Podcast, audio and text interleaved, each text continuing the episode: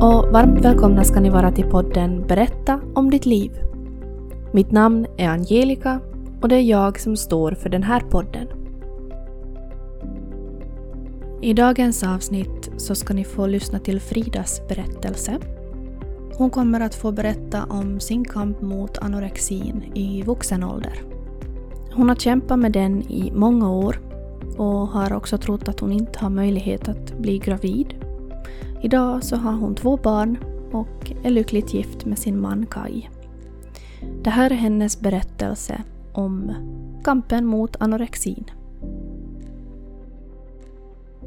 Välkommen Frida! Tack. Vad kul att ha dig här. Tack ska du ha. Det är jätteroligt att du tog kontakt också för det här är ju ett jätteviktigt ämne. Mm. Mm.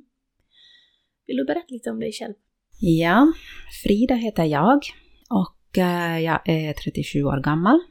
Bor i Jakobstad. Har man och två barn. Och just nu är jag hemma med båda barnen. Yngsta är 11 månader och äldsta är 3 år. Och ehm, jag har egentligen varit vårdledig från mitt ordinarie jobb ända sedan vi fick vår första. Okej. Så jag har nog som jobbat lite på sidan om, men inte, inte som med ordinarie.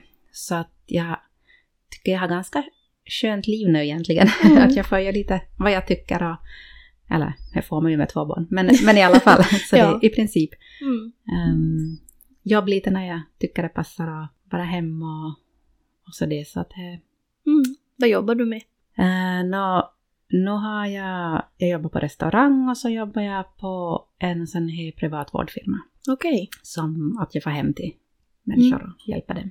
Så ganska varierande jobb. Mm. Och så har Mm. jag haft eh, dragit jumpa också för barn. Så jag har Ah. tre jobb en tur, men Ja, ja, okej. nu är jag ner på två. Just det. Mm. Sådär. Mm. Och idag så ska vi prata främst om din ätstörning. Mm. Mm. Och hur du har haft det och, och Mm. hur du har det i dagens läge. Och du är frisk idag. Ja, alltså relativt frisk Mm. är jag nog.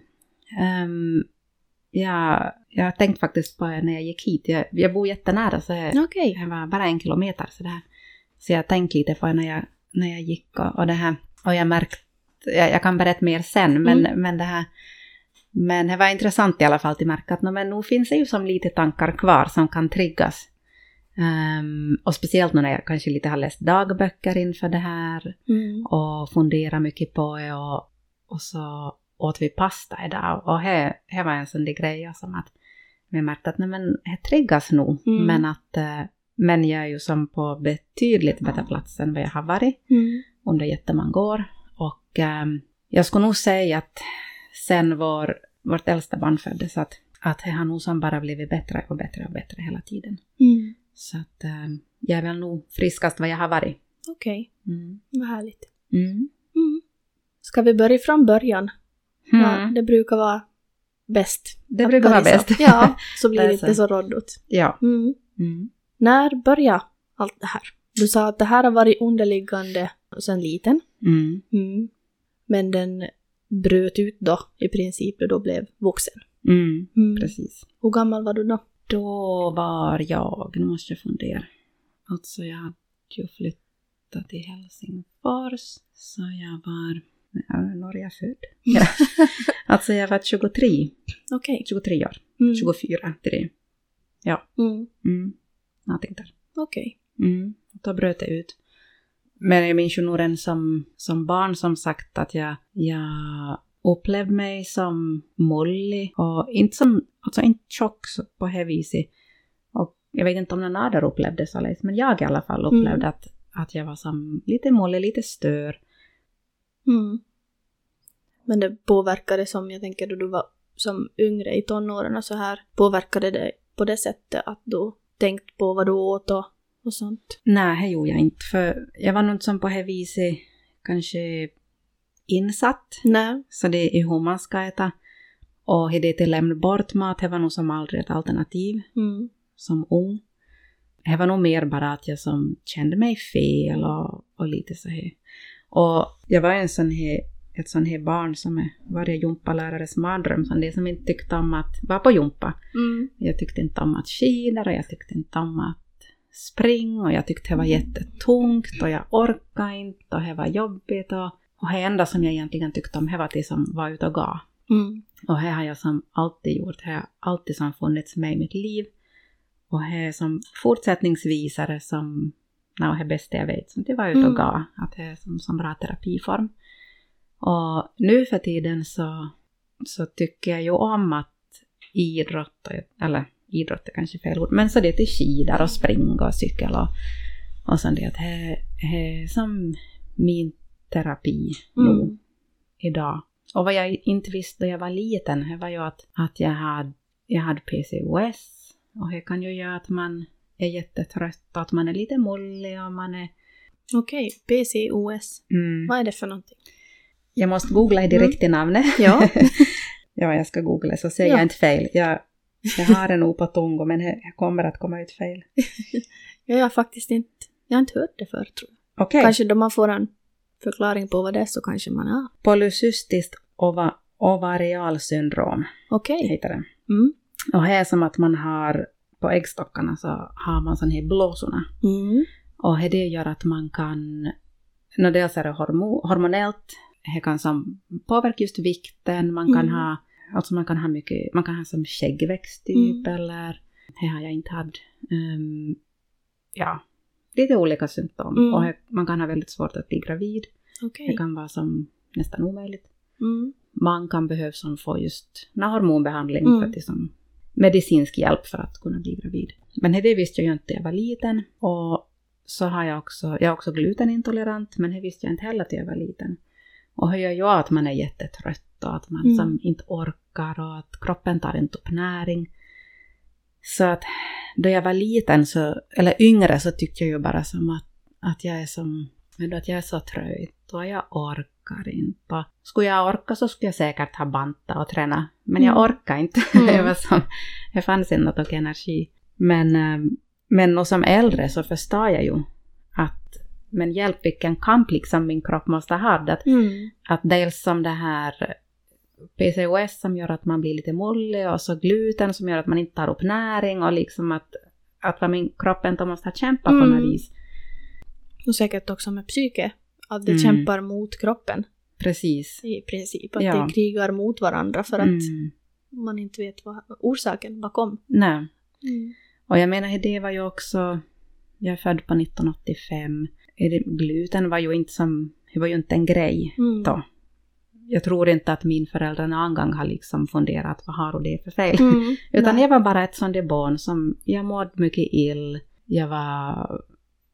Tyckte om att vara för mig själv och... Mm. Som en Och- tonåring ofta vill. Ja, precis. Ja. Och ehm, jag hade som mycket ångest och sånt men det tror jag inte att de visste om. De tänkte nog bara att men... Och en sån där som inte riktigt vågar sova bort och, och, och det här, har mycket mardrömmar och tycker det är läskigt att sova. Då är mörkt. Och, Mm. och som, jag var ett, ett sånt barn. Mm. Och det är kanske en sån där grej som jag har fått kämpa med och liksom acceptera mig själv. För att jag kanske inte riktigt kände mig... Det känns det inte okej Nej. kanske, att jag var så det som jag var. Nej, precis. Och att nu har man kanske fått som jobb på det. Accepterat. Det här är jag. Mm. Och det är ju helt okej. Det är ju Mm. nog säkert ganska mycket som, som har liknande problem. Mm. Mm. Jag hade en eh, tidigare gäst här idag som hon kom in och jag frågade om hon är nervös och Mm. hon såg så självsäker ut och lugnet själv. Mm. Och här under intervjun sen så kom det fram då att, att hon hade varit väldigt nervös och och haft också lite ångest över att kom för att Mm. hon har problem just med som att fara till butiken och sådana här saker. Så jag sa att det är så intressant det där hur man kan som... Man ser inte alls vad som händer in i någon annan människa. Nej. Så Mm. att fast det ser ut på ett sätt, vad man visar utåt, så kan det vara kaos på insidan. Mm. Och det är ju nog en grej jag har fått höra som vuxen att, att jag är så lugn och trygg och, och som så, ja, jag är så fridfullt och jag har som kunnat tänka att oj, ni ska veta Mm. liksom vad Ja. som händer inombords. Att Det är Mm. ju som motsatsen till det. Ja, man får ju nog ett intryck av det att du är väldigt lugn Mm. som person, men det behöver ju inte vara så. Nej. Och du sa att du var 23-24 år då Mm. det här anorexin började. Mm. Jag inte tror jag nämnde heller här vad, Nej. vad det är. Mm. Men på vilket sätt märkte du att, att det bröt ut? Jag märkte ju nog först mycket, mycket senare. Mm. Nu i efterhand så kan jag ju se att det började ganska mycket tidigare. Mm. Det började kanske redan eh, 2007, 2006, 2007 någonting till det. Mm. Men det det som, det är riktigt som blev, vad ska jag säga, tog kontroll Mm. över mig. Så det var ju kanske på 2009, Mm. 8-9. Då vi pratade 2007 så du var kring 20 då? Ja, 21 kanske. Ja. Eller vem då, jag är född på 85, 22 var Ja, jag. ja. Mm, Mm. ja precis. precis. Ja.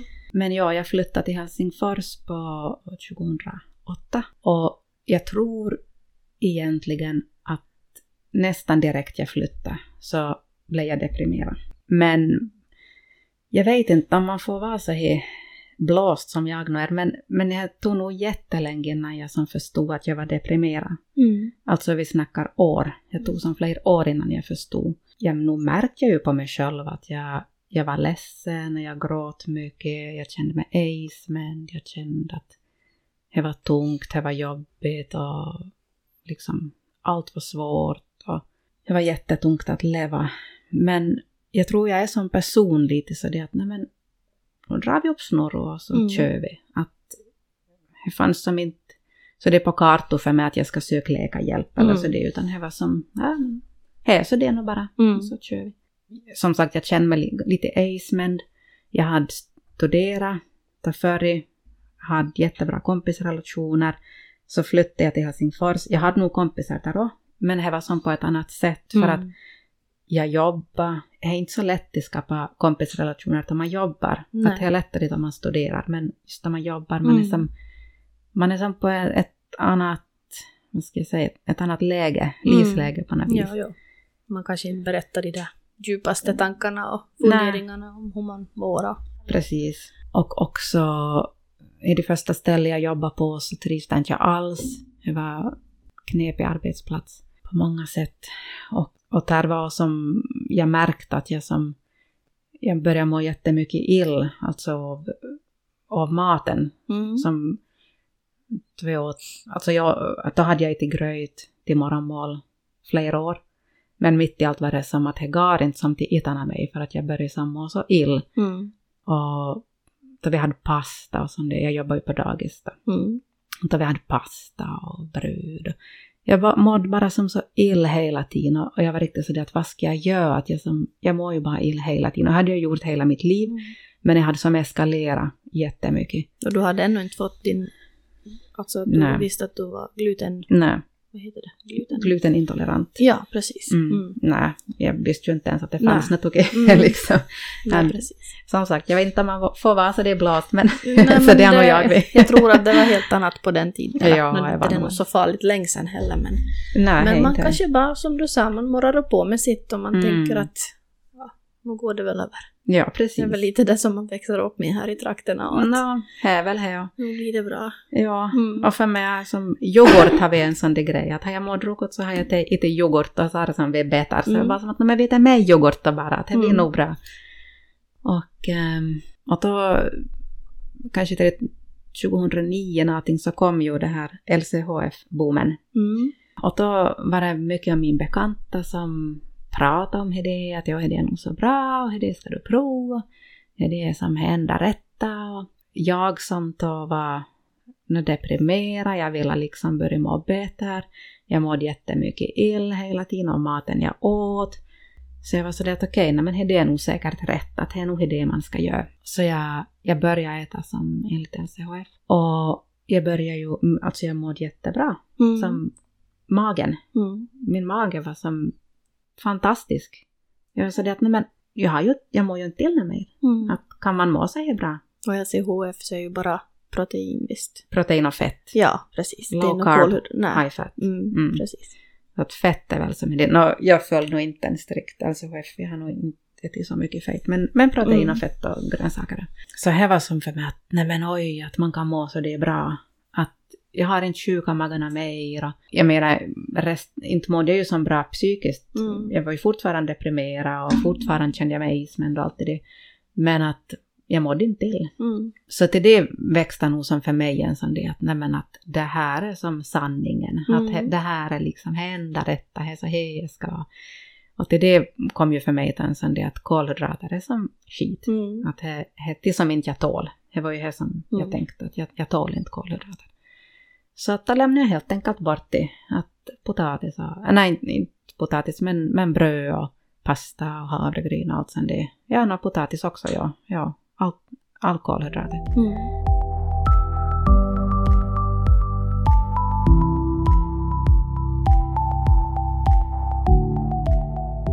Och så började jag träna mycket mer.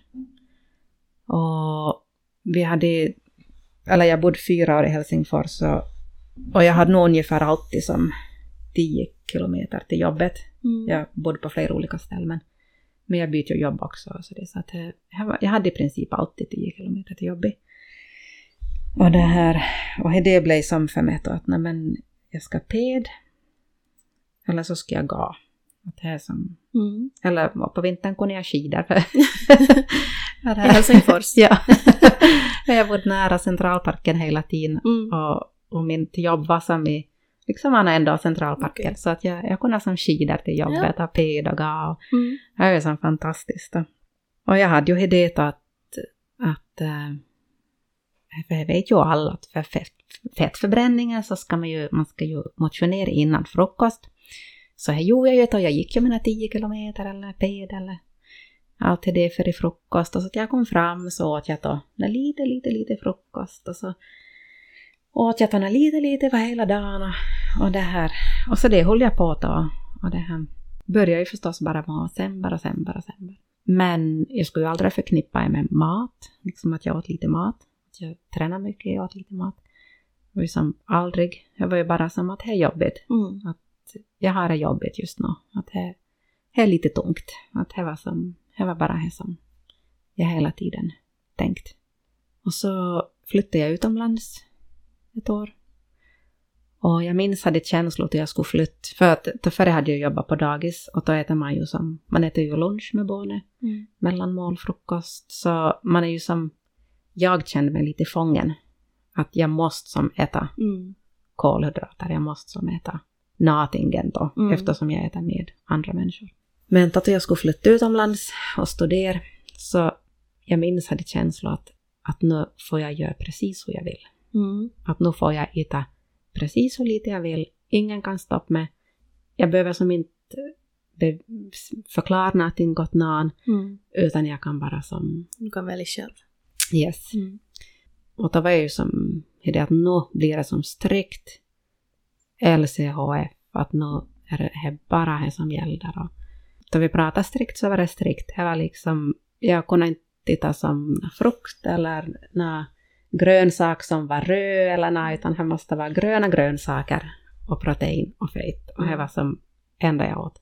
Och um, vid den här tiden så jag var ju inte som jättelill, jag var inte som jättesmal. Alltså inte var jag tjock heller. Mm. Som definitivt inte tjock och definitivt inte stor på något vis. Men inte var jag ju som jättemager så det att någon som skulle tänka att oj, hur det har anorexi. Nej. Att det var jag inte och det är ju sällan det syns Mm. utanpå. Fast man har en ätstörning så behöver inte man vara det här jättesmala. Det Mm. vill jag få sagt för det är viktigt. Utan det handlar så mycket mer om tankar man har. Och när jag bodde utomlands just så så jag började bara märka hur dåligt jag mådde av, av den här maten, hur dåligt jag mådde. Att jag började känna i hjärtat, att hjärtat var som... Det känns som inte bra, att jag äter så här Mm. mycket fett. Och jag började bara som... Började känna som att så här kan inte jag äta. Mm. Det här funkar inte. Och, ehm, och så köpte jag en sån där... ehm, en träningsbok. Som var då... Så det, Losing the last five kilos, för det är ju Mm. det som det jämt handlar om. Mm. Att det var de sista man ska ta ner, det var de sista. Och då var det så det att då var liksom kostprogrammet var på 1200 kalorier per dag. Mm. Och för den som inte är insatt så kan jag säga att det inte är mycket. Men det var ändå betydligt mer än vad jag åt Mm. förr. Um, jag läste i mina dagböcker för jag kom och, och i något skede hade jag skrivit där att jag, där jag bodde i Helsingfors, att, att jag hade till 600 kalorier. Mm. Och jag tror att jag håller mig ganska mycket till det på typ 900. Mm. mellan 600 och 900. Så, Så du, du räknar? jag räknar eller- inte, nej. nej. Mm. men det jag lite så det jag har försökt Ja, räkna så att, att jag gissar att jag kommer någonstans dit. Mm. Precis. Och ehm, för jag var, jag var inte som insatt i, i sånt. Mm. Att jag kört nog bara på med, med liksom LCHF. Mm. Eh, men till det så kom jag ju in, där kom in faktiskt det här kaloriräkningen just i och med att det var, man skulle äta hit 1200 per dag och det var som schema och, och jag var just, jag minns då jag som skulle äta gröt de första och det var ju som i det första att jag skulle börja äta kolhydrater igen. Mm. Att det var ju nog som att vad kommer det här till vara till? Att ska jag nog som gör det här? Mm. Men jag kände lika att jag mådde som så dåligt av i det kosten jag hade. Att det som, det funkar inte. Eh, och jag minns det jag hade, då hade jag var en quinoa-gröt som jag skulle äta. Och jag var som att, va? Att det är ju som så mycket. Att har jag räknat fel? Att det, som, det här måste ju vara för två personer. Det kan ju inte bara vara för mig det här. Men jag var så, nej, det är nog åt med. Och, och jag orkar ju som inte äta allt. Men liksom hade förändringen jag kände, där jag började äta det jag började äta mer, jag började äta kolhydrater, jag började orka som röra på mig mycket mer, jag började springa 10 kilometer som jag aldrig liksom hade orkat hela mitt liv för. Jag hade ju sprungit typ 100 meter. Det var Mm. som att åh, jag dör. och det här. Och nu gick jag som bara och, och jag tränade och ja, och det, det var då under julen. För jag var i Australien och det var ju, som, det var ju sommar då. Mm. Så jag hade varit hos några familjebekanta och firat jul och då hade jag köpt här i boken. Och så till jag kom hem då så hade vi ju som, eller tillbaka då, där var jag bodde, så då var det sommarlov och jag tänkte att, då, att jag hade som jättebra med tid till som göra hela träningen då, och laga alltid i maten och, vad det. Och så sa han att studierna börjar igen så då min vana trogen, så det som jag nu hade hållit på att ta många år i, det var ju på som, det var ju på 2012 och 13. Så min vana trogen så började jag minska på maten igen. Att, att nå, men vi, jag, jag hade ju som lärt mig nygrejerna nu. Och Mm. nu var det ju som då att nu var det ju fokus då på kolhydrater, protein och lite fett. Mm. Och då var det så det att nå, men inte behöver jag som hade fett till det, att jag kan ta bort det. Mm. Så, så blev det ju då att jag åt ganska lite kalorimässigt och så rasade jag jättemycket i vikt. Och jag minns det, det då jag vägde 42 kilo så var det som jag mådde inte bra. Mm. Och jag var bara så det att jag är jättelångt hemifrån. Det tar som ett dygn minst att komma hem. Jag vill inte vara gärna mer, jag mår inte bra. Jag var till läkaren och, och liksom, jag var så svag, jag orkade knappt gå. Mm. Och jag mådde bara som så skit och jag var som, allt var som bara uselt. Jag tänkte att nu vill jag som bara hem, att nu Mm. vill jag bara som börja må bra igen. Mm. Nå, de tog ju blodprov på mig och allt möjligt. De, hade jätte, de hittade ju ådrorna såklart, för jag var ju så smal. Det fanns ju någonting. Ehm, men de såg att jag hade hög i kolesterol. Mm. Och det var ju förstås, jag hade inte mycket fett. Och, och jag var jättestressad eftersom jag mådde så dåligt och liksom Mm. Morrade på så mycket med allt.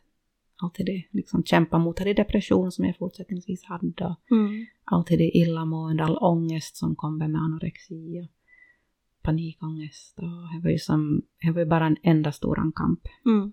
Jag förstod ju inte att det kunde vara stress det hög kolesterol. Mm. Utan för mig var det ju bara som att nej men, jag äter ju fel. Ja. Att vad, nu är det ju som fel igen. Och, ehm, och hon sa att, eller frågade, jag minns inte hur vi kom in på det gluten, men jag tror det var att, för jag hade ju börjat äta gluten då igen. Mm.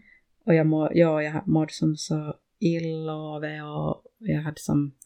Jag fick all, all fel man kan få liksom om man äter gluten. Mm. Och, och då hade jag som lite börjat som...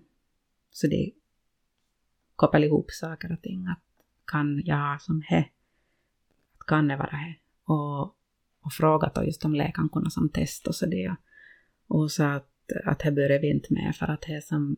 Vi börjar inte med slanga i magen och allt det. Mm. Att mår inte bra av det så då skiter du i det. Och jag var som att okej, vi kör så. Mm. och då ändrade jag också att, att jag började må mycket bättre. Då jag tog bort det. Mm. Men nu som sa när jag har kommit hit till Finland så har det ju varit, jag skulle ju behöva finnas intyg och allt det där så att så att jag kom hem var det nog som att jag skulle behöva äta full glutenkost i tre månader. Mm. Och då först kan det se som att om jag, har, om jag är glutenintolerant eller inte. Men det kanske inte ändå syns. Så att, och var, jag började med det, men då bodde jag vid mamma och pappa. Det hade gjort det typ en dag så sa mamma att snälla kan du sluta för att Mm. jag pruttade så mycket, jag, vet, jag Mm. mådde ju så illa och det var som så hemskt och det var helt usligt och mamma som att snälla slut. så var det bara att äh, vi skiter i det här. Vi säger att jag är glutenintolerant Mm. och så är det så. Mm. Mm. Ja. Och eh, ja, så kom jag hem. Jag kom hem på 13, 2013. Eh, bodde vid mammas och pappas. Och eh, jobbade i Jakob, alltså de bor i, i Lasmo. Mm. Jag jobbade i Jakobstad. Och vid det här laget så jag kunde absolut inte köra bil.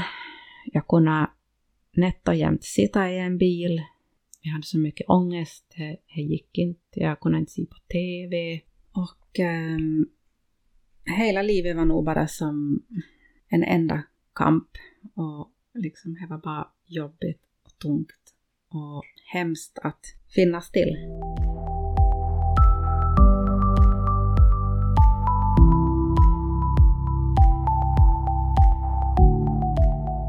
Ja, nej, det var säkert inte riktigt lätt kan jag tänka mig. Nej, då cyklade jag ju fortsättningsvis till jobbet och 12-13 kilometer då var baka, som tid och tillbaka så någon gång kunde jag unna mig till fram med buss eller någon gång kunde pappa köra med men, Mm. men att tillika var det ju det att cykla jag så visste jag ju att nej men bra att nu rör jag på mig då är jag som huvud ändå lugn. Mm. Fast jag inte var på gymmet ikväll så är jag lugn. Och jag menar inte gick jag, jag försöker ju träna på gym, jag försöker ju som jag minns den tiden jag lyfte jättetungt. Och jag menar, jag mådde ju så illa och det ju som, jag hade ju världens stresssymptom varje gång jag hade varit på gym. Och ändå, ändå var det som att man kunde som inte sluta. Mm.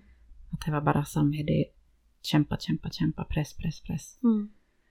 Och hela tiden, jag kollade igenom dagböckerna min, hela tiden var det det man skulle mäta liksom. Hur, hur stor är midjan idag? Hur Mm. stor är baken? Hur stor är armar? Um, väga sig själv och hela tiden. Alltså enda, enda, enda man tänker på är ju som, vad ska, vad ska lunchen innehålla? Mm.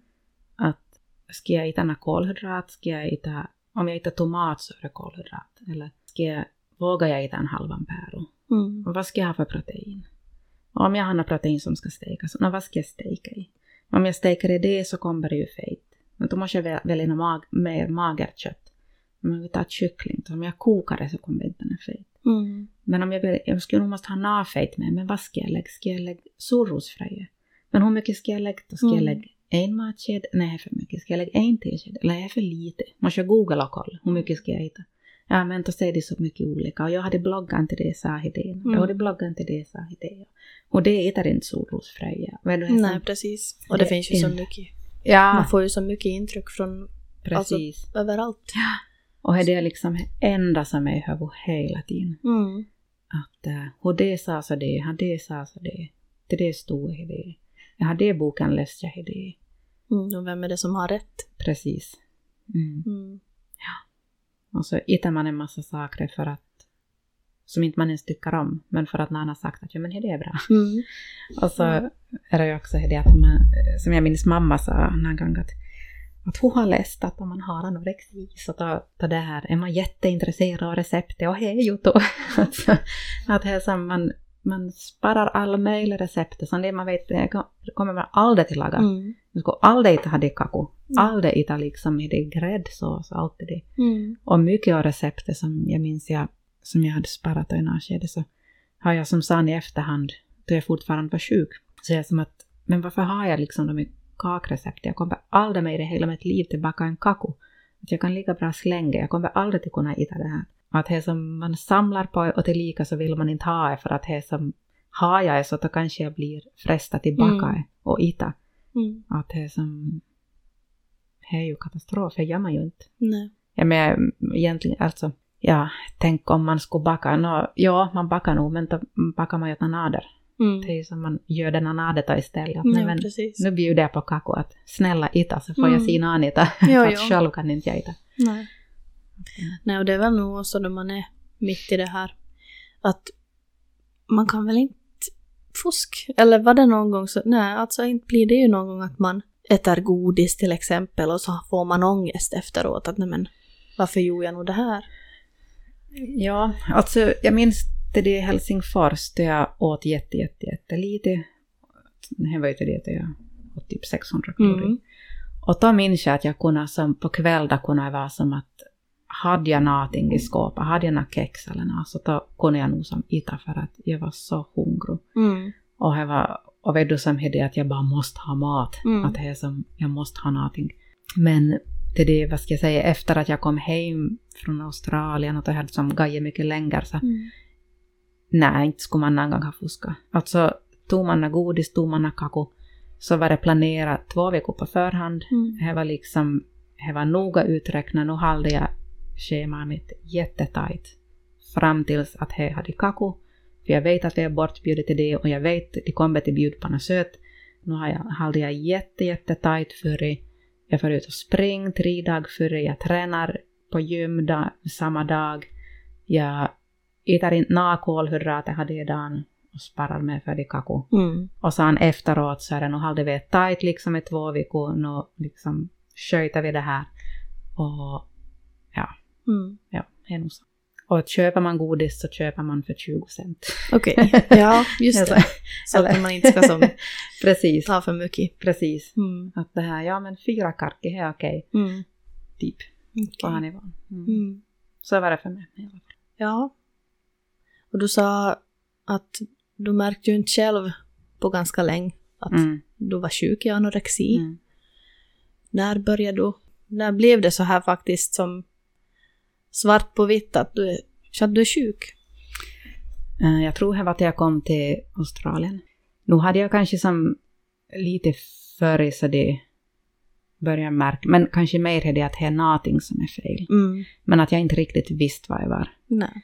Och när jag var i Australien så var jag på en bibelskola. Och ganska snabbt så behöver jag som sök mig till en sån här, alltså typ en kurator. Mm.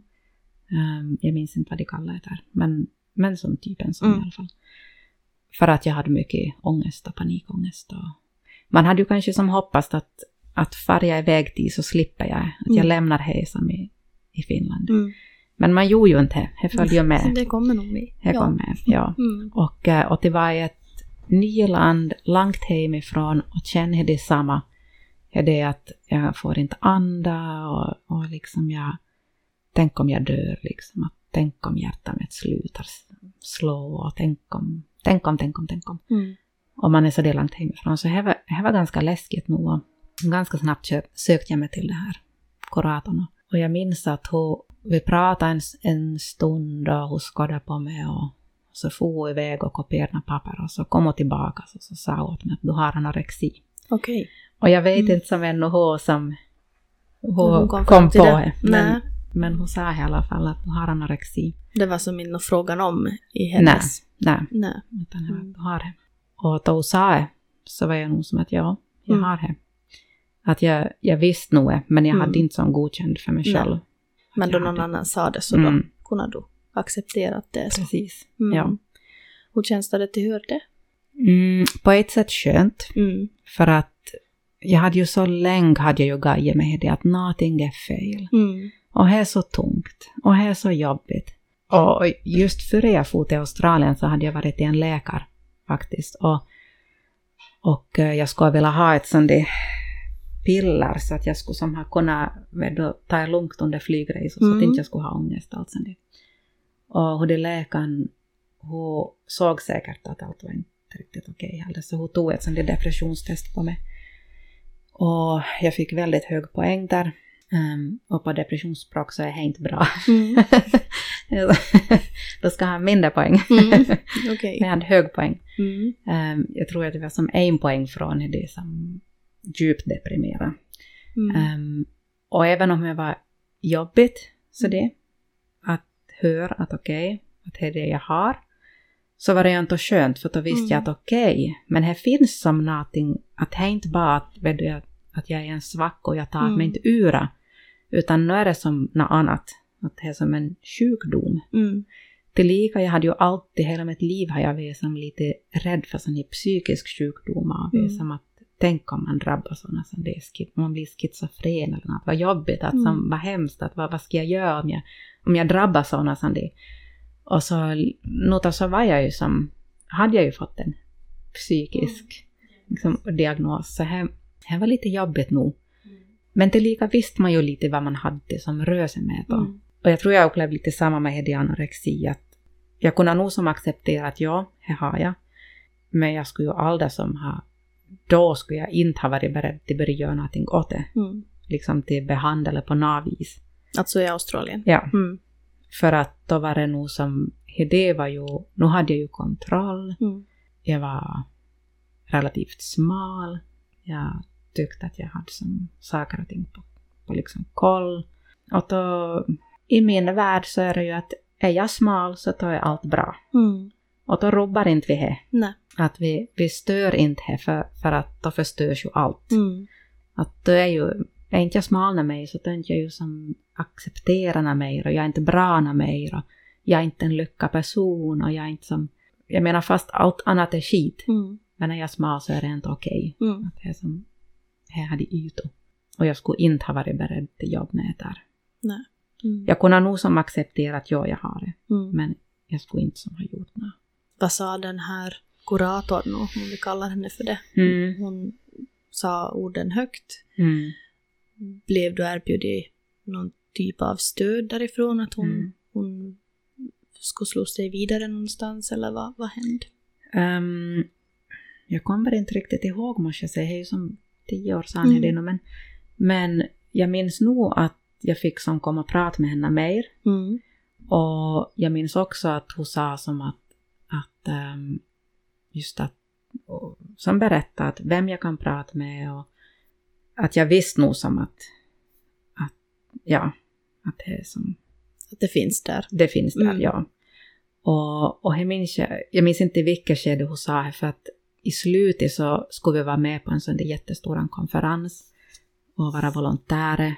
Och, och då var jag och träffade här kuratorn igen. Och, och jag minns att hon sa då att, att de här lärare liksom, de har som kollar på mig och Mm. så de, och de säger att jag kommer inte fixa det här. Jag kommer inte ork, att jag är för ruko Mm. som tillstånd. Ehm, så att, eh, att jag får göra som kortare i dagarna, jag får göra det jag orkar. Um, behöver inte som, behöver inte, eller du ska inte som göra allt för att då Mm. köra slut på det själv. Och, och jag minns hur det upplevde jag som att, som närmast trösterikt att, att jag visste inte om att de hade som iakttagit mig. Men att de ändå såg Mm. att, som, att det är Mm. liksom skickehojno. Ja, precis.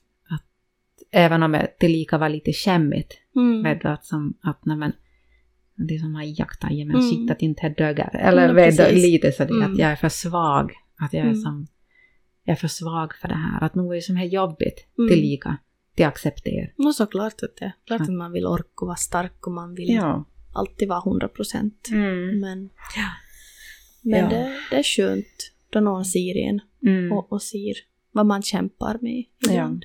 Mm. Och man måste ju försöka vända på steken också och tänka att skulle du ha varit i deras situation Mm. och sett någon som dig då, Mm. så skulle du inte ha sett det som en svaghet. Ja. Att du skulle ha sett att du, du kan, inte kan jag säga att man kan vara stark för den personen, men Mm. att man kan åtminstone visa att man stöder och finns. Precis. Utan att vara dömande. Ja. Och att det är ju absolut ingenting att skämmas för. Nej, Mm. nej, här är ju inte verkligen. Men man, man känner ju Mm. säkert så i stunden. Mm. Ja, lite som det misslyckande kanske. För Mm. att det är ju också, jag menar med anorexi, i mitt fall så jag är ju en perfektionist. Allt ska vara perfekt. Och jag är en sån people pleaser. Man ska inte som svikna och man ska som alltid liksom ge det som de vill ha. Och till det kände jag ju kanske lite att du, jag uppnådde ju inte av det. Nej. Jag var inte perfekt. Och äh, inte för att det var någon som sa att, att vi blir besvikna om mm. du inte gör mm. det här. Det sa du ju absolut inte. Men nog var det lite av det känslor man hade ändå, mm. att man kan inte som... Bidra lika, som all, lika mycket som alla andra. Ja. Mm. mm. Man kan inte som ge liksom 100 procent.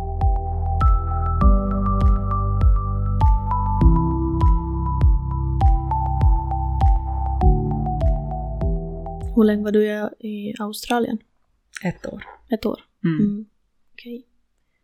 Mm. Och vad hände sen? Flyttade du hem hit till Jeppis? Mm. Mm. Det gjorde jag. Eller till Asmo till föräldrar.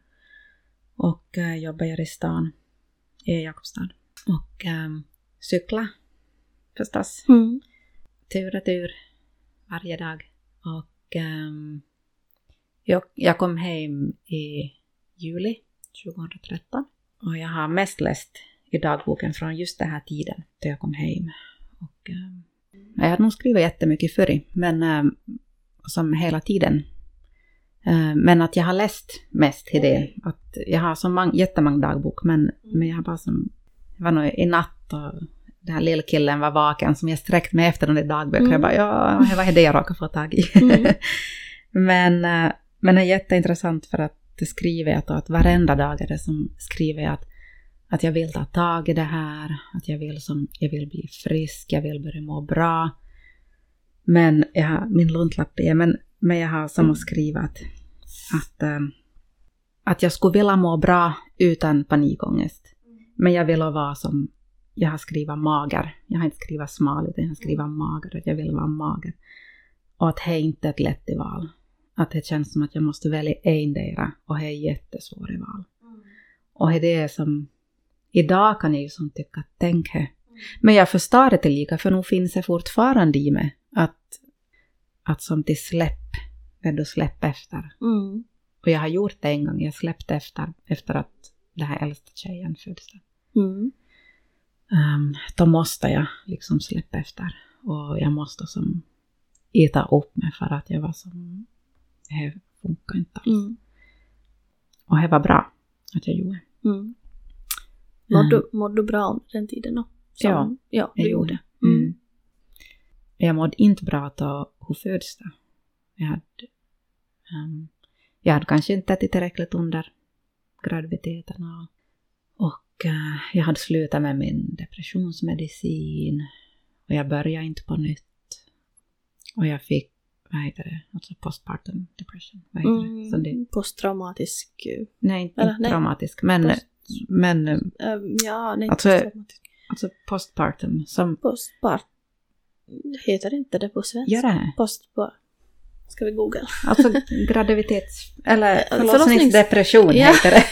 ja, vi kan använda heter det. Ja, okej, så du Ja. fick det. Ja. Ja. Mm. Ehm, Men om vi backar tillbaka lite ännu. mm, För du var ju... Då du kom hem så var du Mm. ju ensam. Du hade ingen Ja. partner. Nej. Nej. Vad hände? Träffade du honom så här kort efter att du kom hem eller vad hände? mm. Ja. Så Okej. inte bara spolar Nej, fram för långt. Bra, bra. Ja. Ja. Vi får tillbaka till det till jag kom hem, ja. Mm. Mm. Ehm, ja, då ska jag berätta en viktig sak. Um, för då, jag skriver i dagboken, jag hade att jag vill ta tag i det här, jag vill bli frisk. Ehm, och, eh, men att det var som, jag, jag upplevde att det är som ett jättesvårt val. Att vill jag som må bra eller vill jag vara smal? Att det känns det som att det är som jag måste välja mellan. Och att jag var inte som beredd till göra det valet Mm.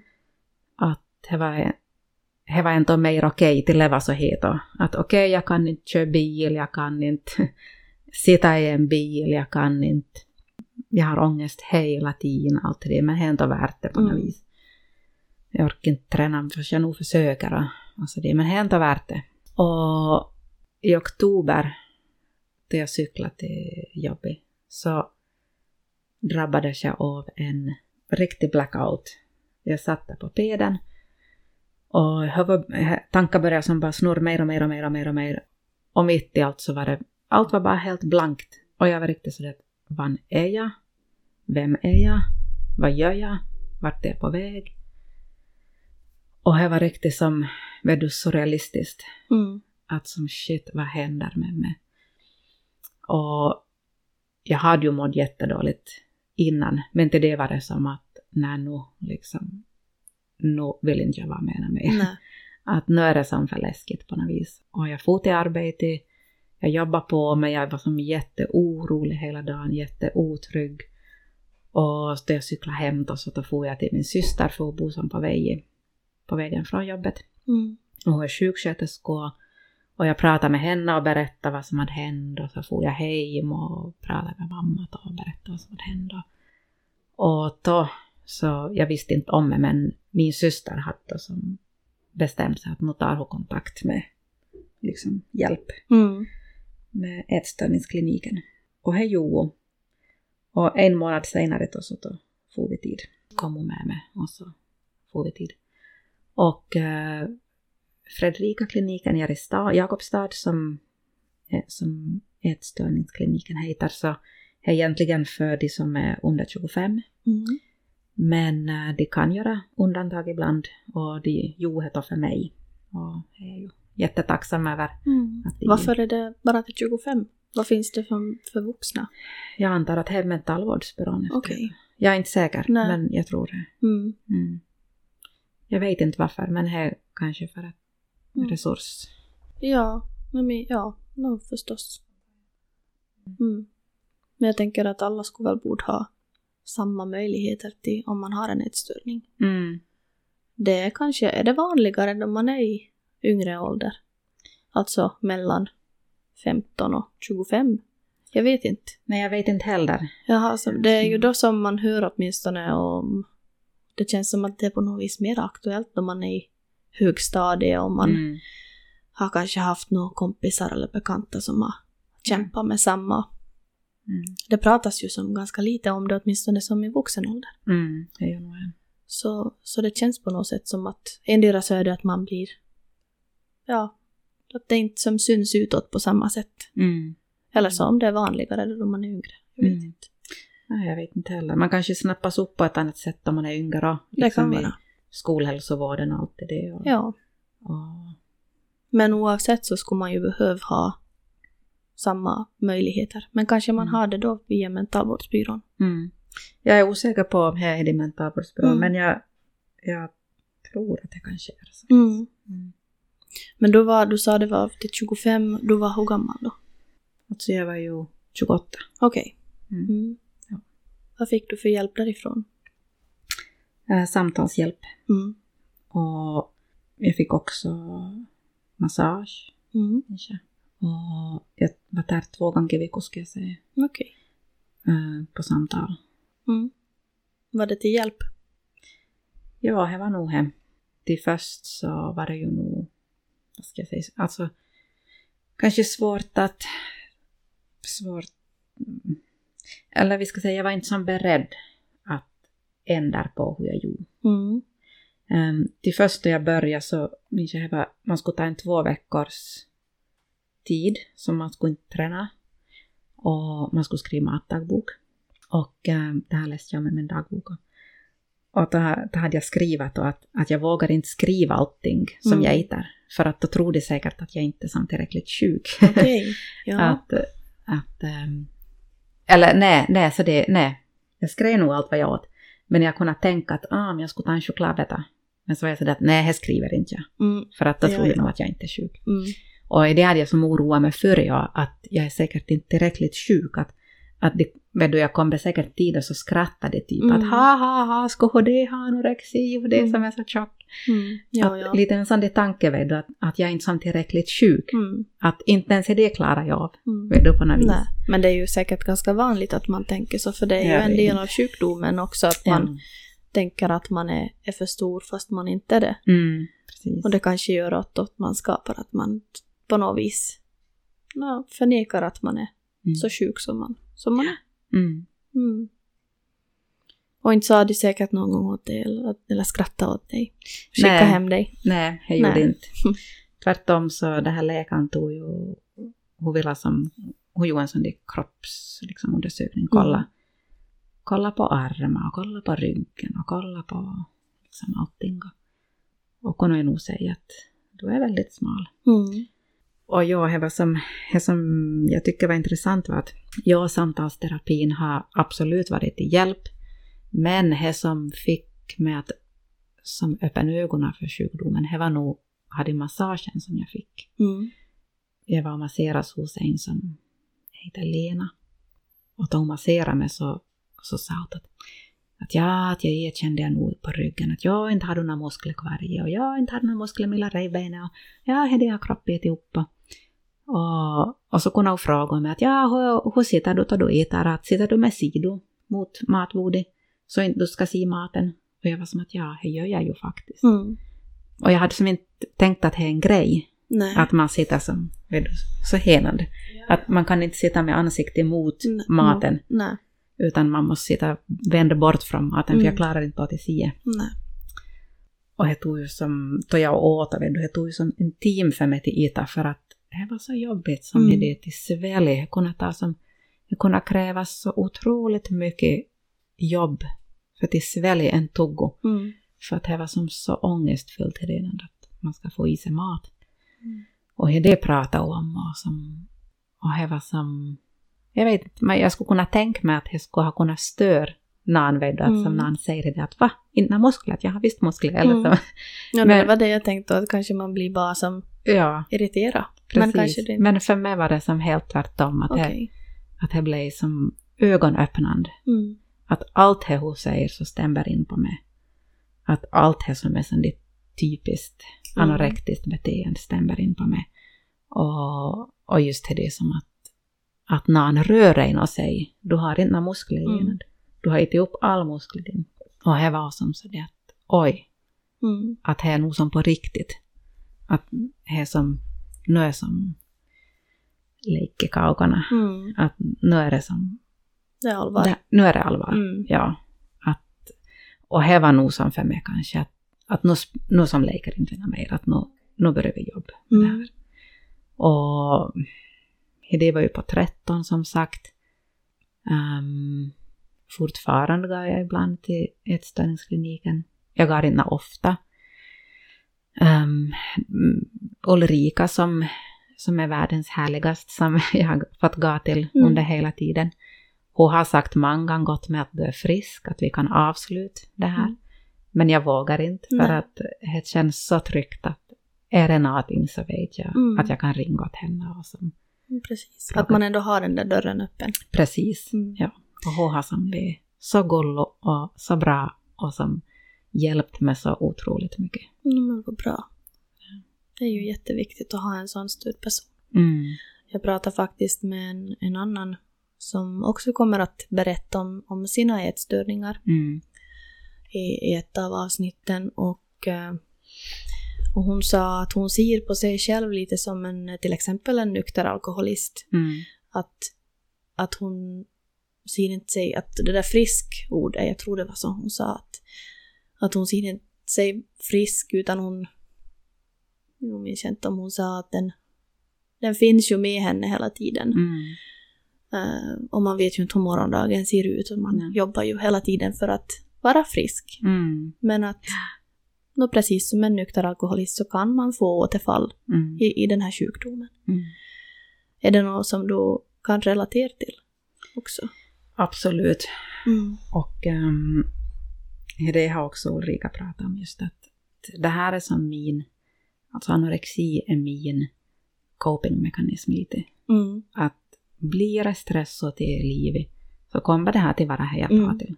Att nu tar jag kontroll över maten, över träna sig. Mm.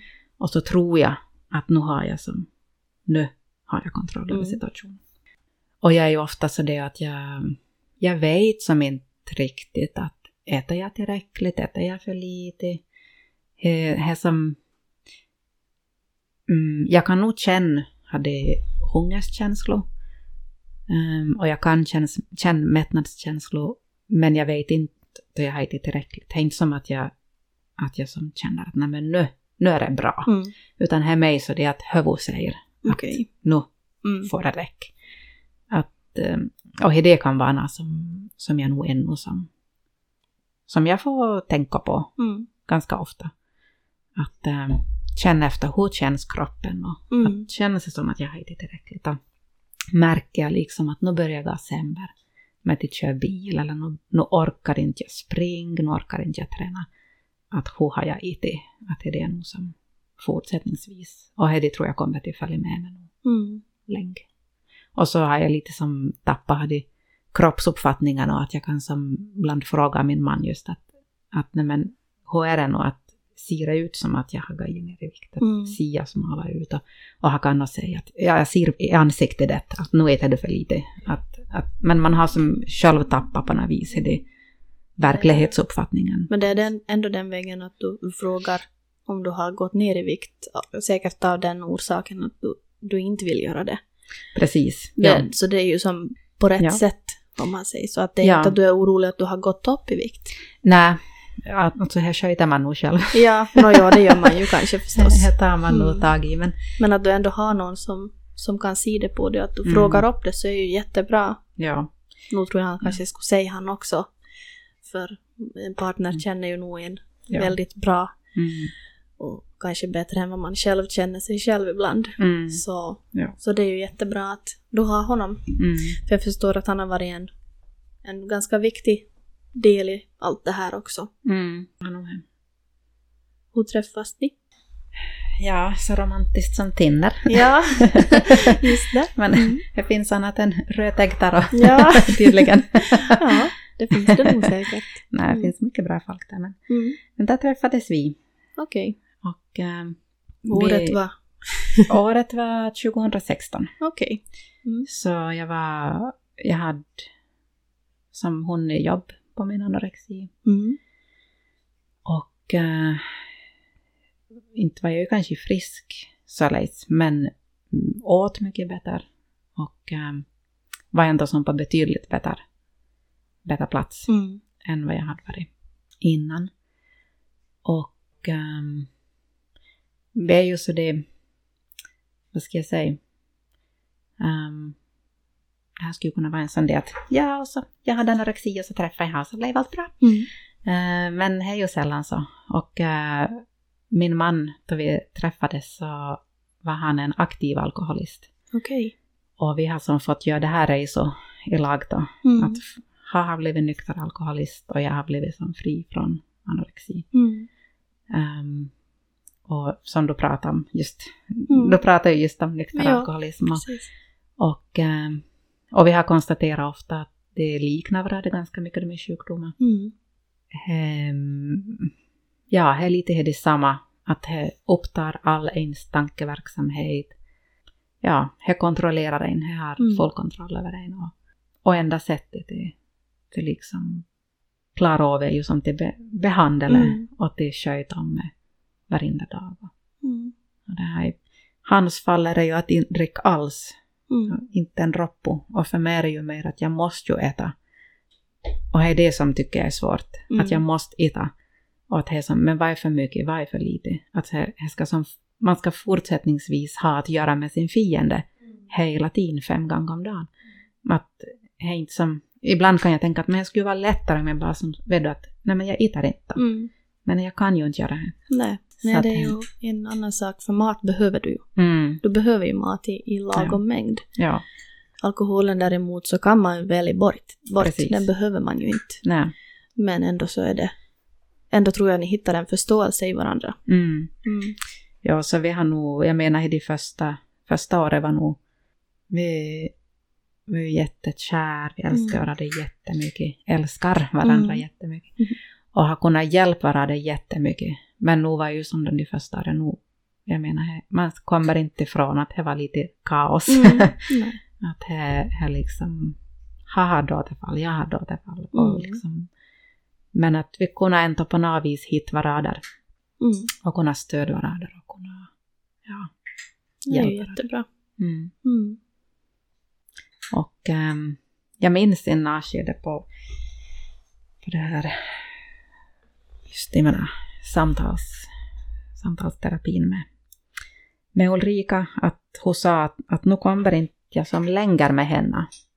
Att nu behöver jag liksom hitta en person som jag kan komma längre. Att jag skulle Okej. behöva en partner. Mm. Ja. Ehm, att det som, för att det kommer, vi kommer inte komma längre. Att vi kan fortsätta diskutera, vi kan fortsätta prata, men jag kommer inte komma längre med henne. Och um, då hade jag ju nog som, jag, vid det här laget, jag hade ju inte haft mens på hundra år, jag hade ju inte som, du, jag trodde att jag kommer aldrig till kunna få barn. Jag visste inte om det PCOS än. Mm. Men jag tänkte att det är som kört för mig. Jag kommer aldrig till få barn. Jag kommer aldrig till kunna vara nära en person för att dels för liksom min kropp, Mm. alltså mitt kroppskomplex, att någon kommer aldrig till få röra mig, som inte en chans.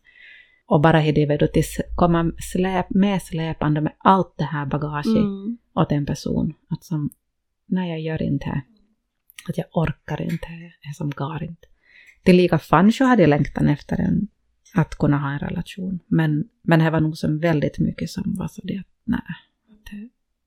Ehm, men Kai som är min, min snygga man heter något alltså. Han var ju nog som Nalejs. Han var ju nog som, vad ska jag säga? Ja, han ger ju inte sig riktigt. Och han, eh, ja, han visste nog vad han gett sig in i. Mm. Men, men han vart inte rädd. Han, det här. han tog utmaningen Mm. och han klarade det. Ja. och har varit jätte, jätte, jätteviktig Mm. för min tillfrisknande. Mm. Att, eh, Och du har säkert varit viktig för han. ja, så Mm. säger jag. Ja, Mm. jag tror Så- det är nog säkert. Du får nog... Ja, han får tack dig lika mycket som du säkert får tack honom för Mm. att ni har kanske hjälpt varandra genom, Mm. genom det här. Och, och den där förståelsen är ju nog en, en del som ja, kan vara betydande många gånger också. Ja. Ja, och just det att man själv som går igenom, även om det inte är precis samma sak, Mm. men att ändå, man kan förstå varandra. Ja. Och förstå liksom hur det, förstå hur illa hade han mår. Mm. Förstå liksom att men nu är det som så här usligt. Ja. att det är som jättejobbigt. Och Mm. det här, ja.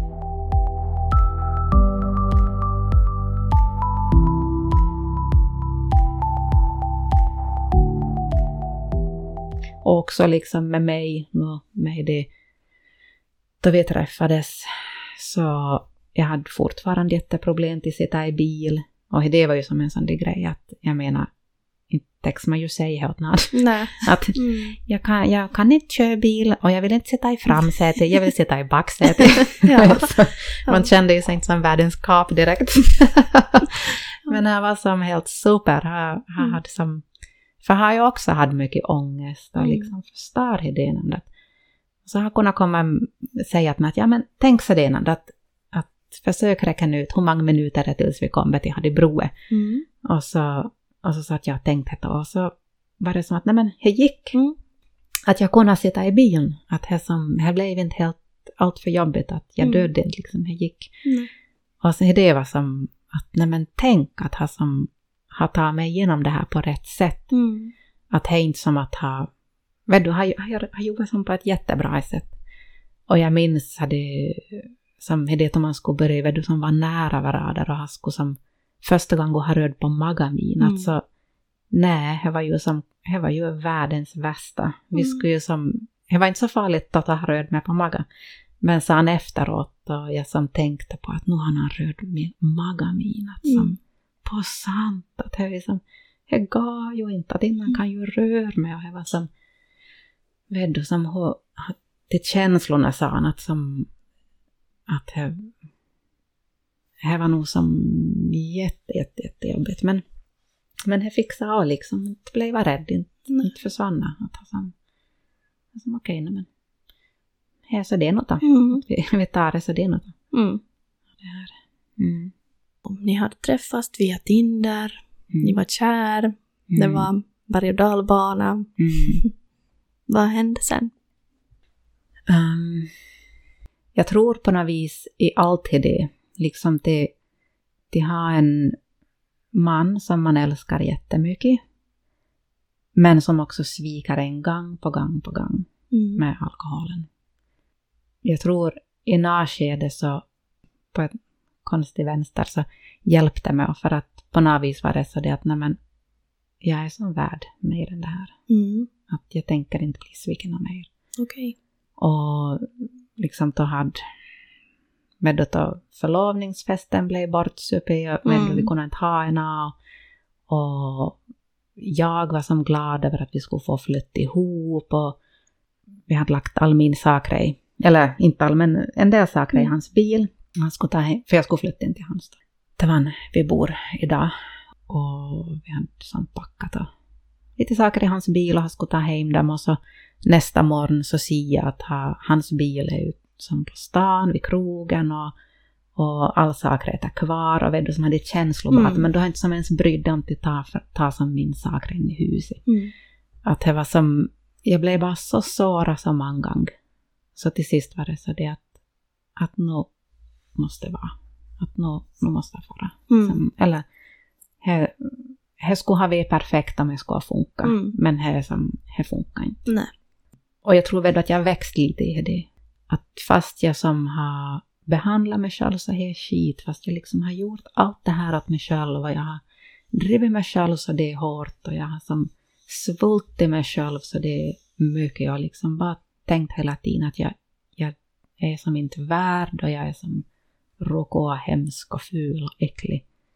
Och en analys så växer fram i det att nej men, Mm. att jag är som värd. Bättre. Ja. Mm. Och det tror jag var som en uh, lite... Ja, det var viktigt för mig. Det är inte som tänker det ändå att jag, Mm. jag behöver inte ta vad som helst. Att jag får som... Ja.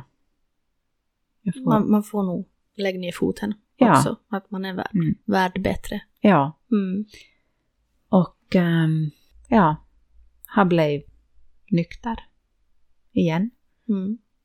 Um, hade nog varit för hade perioder. Hade, ni, hade ni som paus eller hade du sagt åt honom att det måste som ske någonting? Um, när jag var, hade börjat blanda alkohol och, och liksom Xanor och Mm. men då jag var ju som, jag håller på att dö. Och då, jag, jag, jag försvarade Mm. mm. inför hans mamma och syster. Jag försvarade och sa att jo, men det var ju inte som är hans kompis som kom hit med idén. Och, Mm. och så var som hans syster så det att men hon blåste Edo liksom. Ja, Att han blåste du inte, du var ju medberoende. Ja, ja. Det var ju det. Det var det. Mm. Men det här, men inte som att förstår du inte att han Mm. väljer ju det här själv. Mm. Och då var det så det att han väljer det själv. Mm. Han gör ju det. Ja. Att det är ju inte att liksom, någon hades fel. Mm. Han som väljer det här. Mm. Och då var det nog så det att ja men nu funkar det inte mer. Att nu kan inte vi vara lagda mer. Mm. Och, och här sa jag att då, eller ja, han var ju så bort, inte förstod ju han. Men, Mm. men liksom sa han, då har försöka igen en gång skicka meddelande, åh förlåt att vi kan träffas imorgon och bla bla. Mm. Och då är det så det att nej, att nu gör inte vi det här mer. Och då, då ville han nog som, han ville försöka bli nykter igen. Mm. Och, och då sa jag, eller som, jag, jag minns inte exakt hur det var, men jag sa i alla fall att om, om vi som, för vi hade ju tänkt gifta oss, men jag hade ju avbokat det då.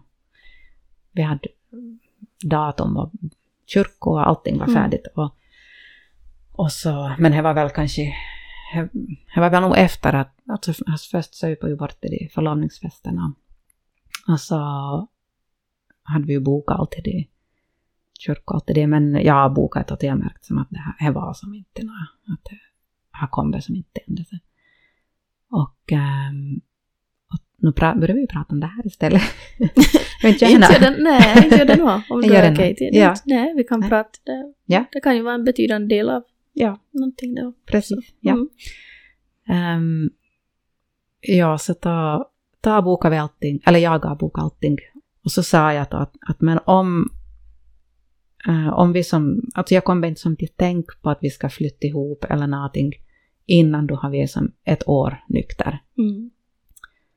Att det som, det var liksom min, mitt ultimatum. Och det här, vi var fortsatt nog att vara tillsammans, men vi var nog, hade i hösten då så på liksom Kajs initiativ så sa att han vill som vara själv, för han vill som se att han klarar det här innan vi går somna längre. Mm. Och det var jättetungt, det var jättejobbigt, men han klarade det. Mm.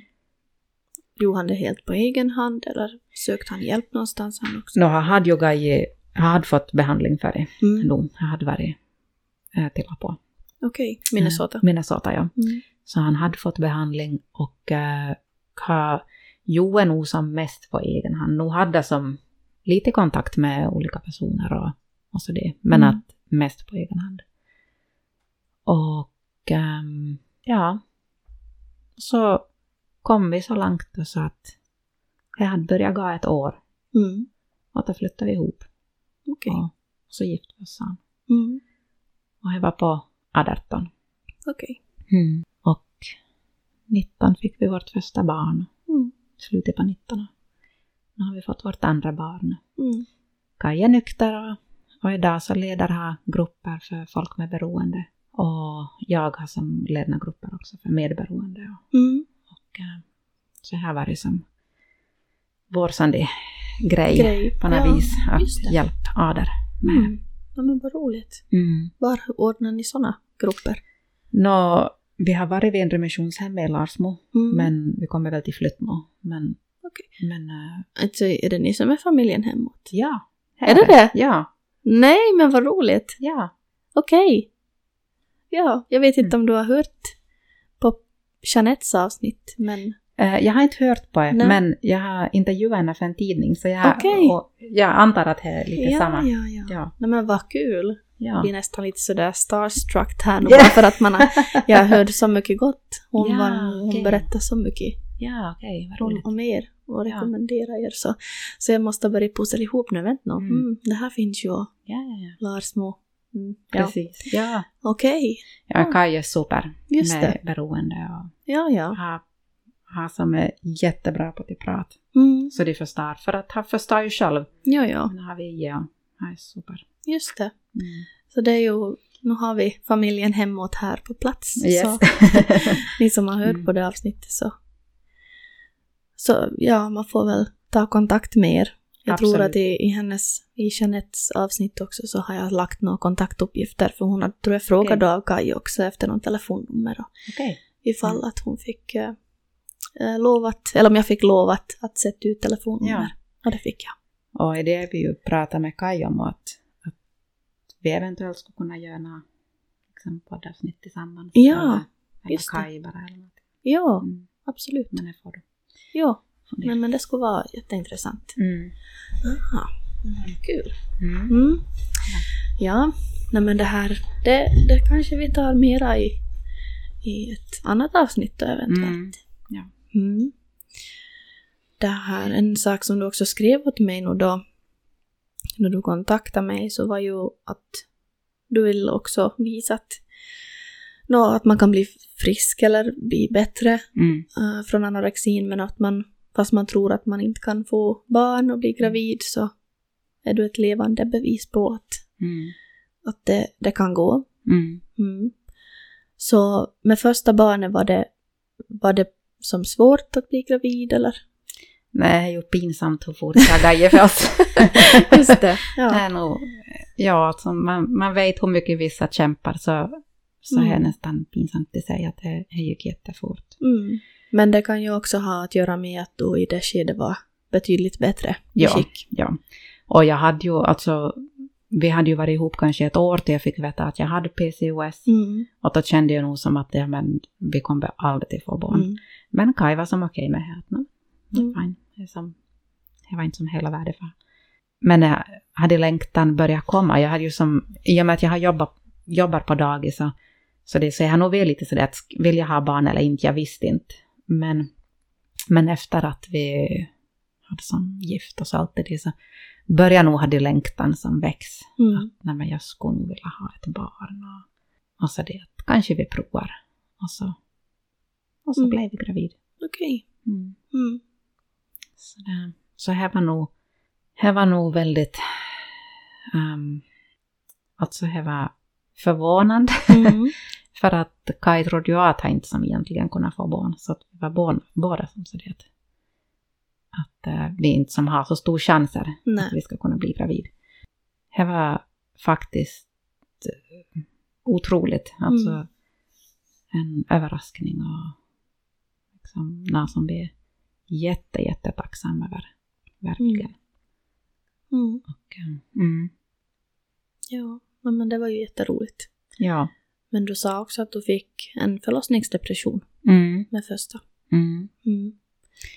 Ja, och ännu är det med liksom anorexi så då hade ju min mens varit bort i ganska många år. Mm. Alltså fem år tror jag, Mm.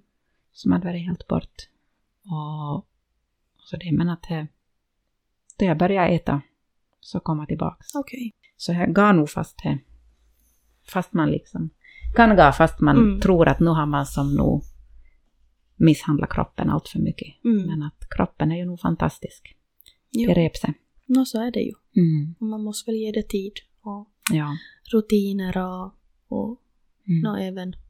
Jag tror nog att psyket kan också sätta stopp alltså med stress och, och Mm. sånt. Så Ja. om man... Nu kan det ju, nu kan ju vem som helst bli gravid oavsett Mm. vilket skede i livet man än är, men att chansen eller risken att, att man kanske hamnar och kämpar mera så är ju säkert om man på något vis är väldigt i obalans. Mm. Både kanske psykiskt och fysiskt. Mm. Ja. Mm. ja, men jag fick en förlossningsdepression ja, och eh, det var ju nog säkert för att jag hade kanske inte ätit tillräckligt bra Mm. under graviditeten. Jag var jätte... För jag hade nog som... Nog fanns hade rädslor där att jag ville inte gå upp i vikt. Mm. Ehm, och i början till jag var gravid så vågade jag nog sipa, hade vågen ta med vid rådgivningen. Men sen var det så att nej, man Mm. fixar inte det här mer. Eh, så jag, jag tror jag skadade kanske i första kanske fyra månaderna, Mm. men sen skadade jag inte. Och, ehm, och det var ju nog bra egentligen, för det skulle nog ha blivit ångestfyllt tror Mm. jag. Men, um, men då hon föds, då Lea föds, så jag känner nog dig som på BB att jag mår inte bra.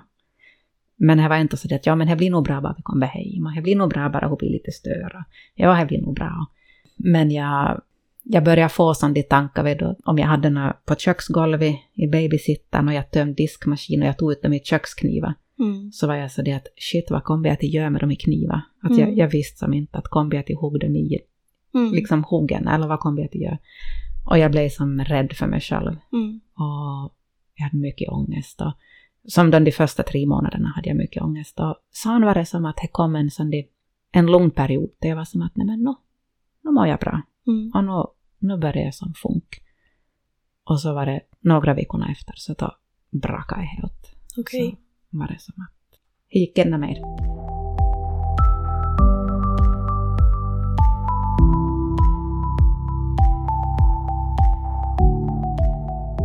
Blev ju som konstateras i efterhand att det var nog det var förlossningsdepression, Mm. för det kommer oftast vid som tredje, fjärde månaden. Okej. Man tror att det ska komma som direkt, Mm.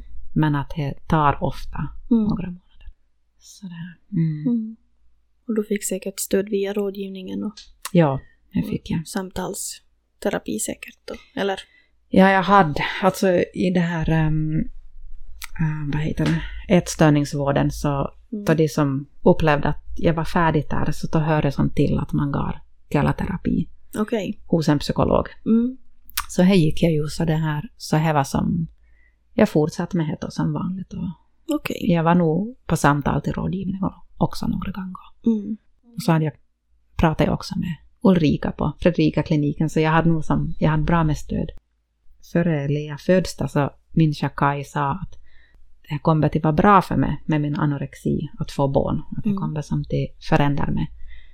Och jag gjorde ju nog det för att jag märkte ju nog att jag började må så dåligt och, och just det att nå, jag visste ju inte att vad är det liksom, är det för att jag har ätit för dåligt?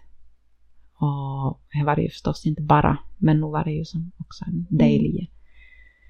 Och det här, och då var det nog så det att nu, nu har jag som inte bara mig själv att tänka på. Mm. Att nu har jag, jag har Kai, jag har ett barn. Nu måste jag bara som liksom get my shit together. och då, då började jag äta. Och liksom, alltså som jag åt. jag var som, jag var vrålhungrig och det kunde vara som nattetid kunde det vara som att då hade jag inte bra på dagen. Mm. Och så var det på natten så var det som att nej, nu måste jag som ta och äta. Mm. Och att jag tänkte att vad, jag, vad ska jag äta? Så är det som en banan, nej, det räcker inte. En smörgås, mm, mm, det räcker inte. Nej, det är liksom mat. Mm. Och jag kunde äta fem mål på natten. alltså vet du, Ja. tre smörgås, Mm. yoghurt och banan och müsli, ris och kyckling, risgrynsgröt. Alltså jag åt och åt och åt. Jag var så otroligt hungrig. Mm. Och jag du åt för alla år som du inte har ätit. precis, Mm. jag åt för alla år och för allt som liksom kroppen inte hade fått. Mm.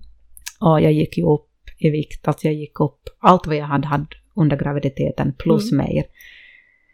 Men det var ändå bara så det att det är värt det. Att det som bara Mm. jag börjar må bra, bara jag orkar vara mamma, bara Mm. jag orkar liksom vara fru. Och det var nyttigt det att jag gav upp i vikt och se att, jag menar Kajs-känslorna för mig ändrar inte. Mm. Um, inte någon behandla mig annorlunda. Vet du. Jag var inte som allt det som jag hade varit rädd för. Jag var ju som inte av det hände. Jag menar, jag var fortfarande... Allt funkar ju Mm. liksom. Och, och det här... Det var ju bara jag som inte funkat då för att jag mådde så skit. Men, att, men samtidigt märker det ändå att, att liksom det är inte någon där som bryr sig Mm. vad jag väger. Jag är bara i mitt huvud. Liksom. Och då tog jag, under hela tiden som jag har varit ätstörd, så har jag som jag har som tänkt att jag skulle behöva ha ett kostprogram till följd. För att då jag bara ska tänka, jag ska tänka och tänka och tänka och tänka och tänka. Och det är som så svårt, att det är som så jobbigt, man ska bara fundera hela tiden, vad ska jag äta? Men att de har ett kostprogram, att det skulle hjälpa mig har jag som tänkt. Och då tog jag hjälp då av, av kost, alltså dietist, utbildad dietist och, och fick ett program till följd. Och ja, började äta helt enkelt bra. Mm. Åt kolhydrater, fett, protein, grönsaker. Gick ner i vikt, men gick ner som på ett bra sätt. Um, jag hade jättemycket energi, jag orkade träna. Jag har aldrig mått så bra i hela mitt liv som då jag följde det programmet Mm. och, och som åt ordentligt. Då märkte jag nog som att nej men det här, det är så här jag vill leva. Mm. Att jag vill orka med saker och ting.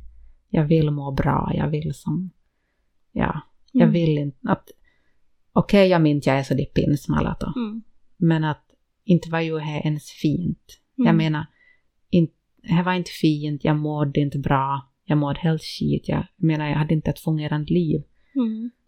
Um, eller jag fungerande således jag kunde arbeta, men, men liksom till må skit, Mm. det är ju inte ett liv. Till inte kunna sitta i en bil, till inte kunna se på TV, till inte klara att läsa en bok, till inte kunna göra avslappningsövningar för man är så stressad, till inte våga bo själv. Mm. Men då är som, det är inte ett liv. Nej. Det, det är inte ett liv att njuta av. Kan du göra det idag? De Ja. här sakerna. Det här kan jag. Mm. Uh, ja, alltså till jag tänker som hur mitt liv ser ut idag och hur jag såg ut för några år sedan så är det jättestor skillnad. Som inombords. Jag Mm. menar, utanpå ser det likadant ut. Så det, eller inte kroppen, men jag menar Mm. som utåt sett, Jo, att jo, vad jag precis. gör så det, det ser Mm. precis likadant ut. Men hur jag mår är ju som milsvid skillnad. Mm. Och jag har ju fortfarande det här med bil. Jag, jag kan nog sitta i framsätet, jag är rätt. Mm. Okej. och jag Kan du kan, köra? jag kan nog köra, Mm. men det är nog begränsat vad jag kan köra. Mm. Alltså jag kan, och mycket är nog sen säkert um, liksom mina tankar. Mm. Att jag har varit med om så mycket jättejobbig händelse så att jag kanske som hindrar mig själv. Mm. Men jag klarar att jag kör så det då jag får bestämma själv Mm. hur och när och var. Och i stan kan jag köra hur jag vill. Mm. Och, och så det är så att lite till har jag till jobb med. Mm. Men att jag är inte som jättetacksam över vad jag är idag. Mm. Att um, jämfört med vad jag har varit så är jag som, kände jag mig som världens friaste människa. Ja. Att jag har, jag har varit i fängelse, men jag är inte henne mer. Mm. Och, och det här. Mm. Ja, härligt höra. Mm. Hur är det med, med alltså tåg och flygplan, buss och sånt här? För det är också något som är problem. Eh, tåg har jag alltid älskat att Ja. åka, så här, här brukar jag inte ha problem med.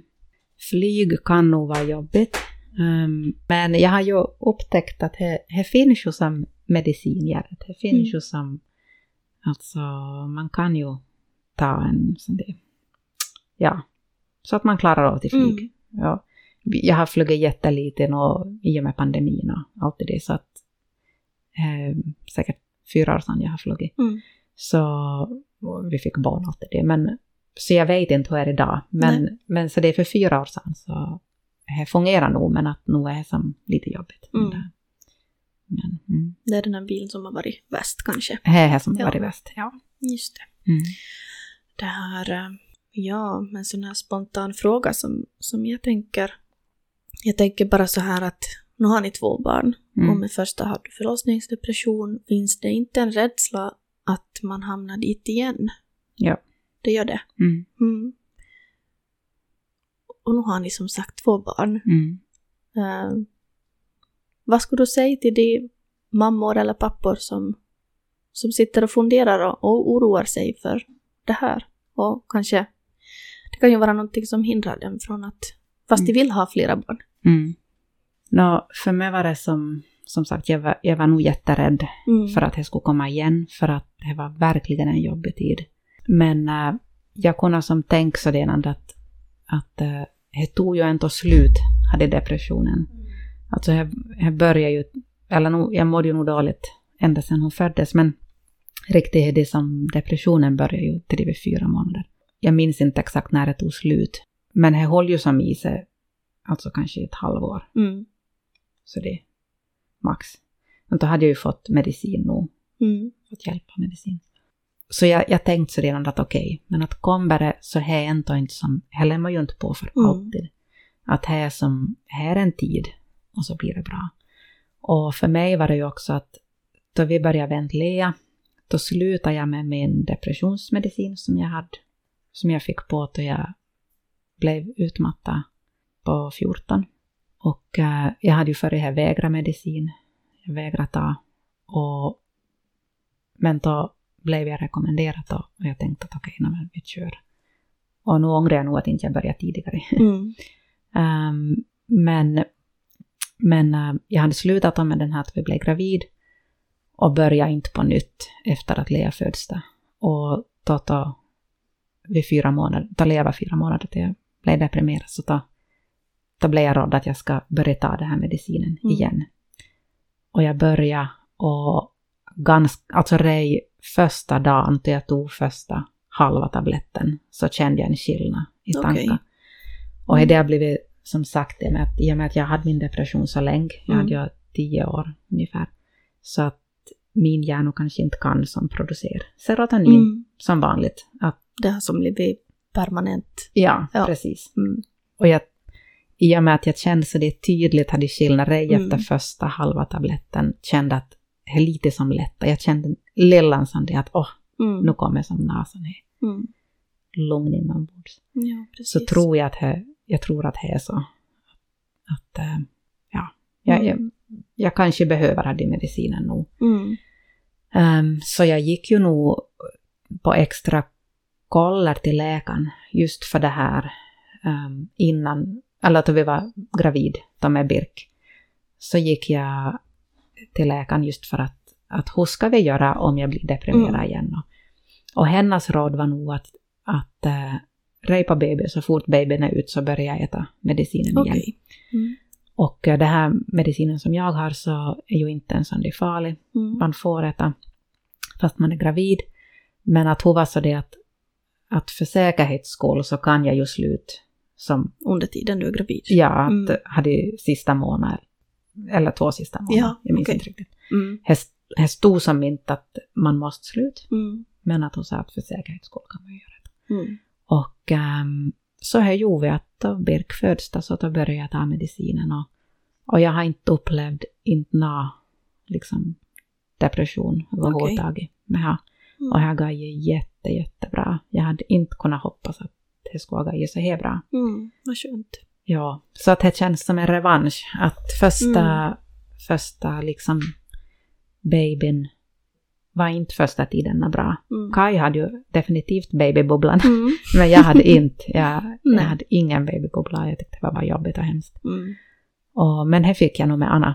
Okej. Och då var det igen med Kai att han var ju kanske inte lika med, Mm. med Anna Boni för att han hade Han ju hade som... den första. Precis, och Mm. han hade som henne att ta hand om då och jag fick Mm. gos med, med lillbabyn då. Så det är så att... Men jag, så det känns, det som, känns det som en revansch Mm. att jag fick det som inte jag fick med första. Mm, precis. Och eh, så jag, jag skulle nog säga att, att våg nog Mm. skaffa barn. Lit på att det håller och lit på att det, att även om det kommer så det ga ju om. Mm. Att det är inte för evigt här liksom. Nej. Och du var ju en Mm. erfarenhet rikare med det och så, Mm. som du sa, du, du visste att det skulle gå om så Ja.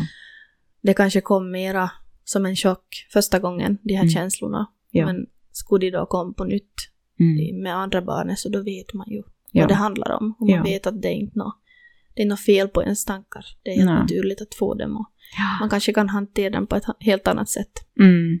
Och det tycker jag också med Lea, att Lea första fatt, då var det ju coronapandemin kom ju då. Så att vi kunde ju inte be någon om hjälp, att Mm. ingen kunde komma och hjälpa oss, för ingen vågade komma. Nej. Och det upplevde jag ju som jättehemskt. Mm. Att jag var som ejs men inte hem och Kaj var på jobb och, och ingen kunde komma. Mm. Att det var nog som brutalt.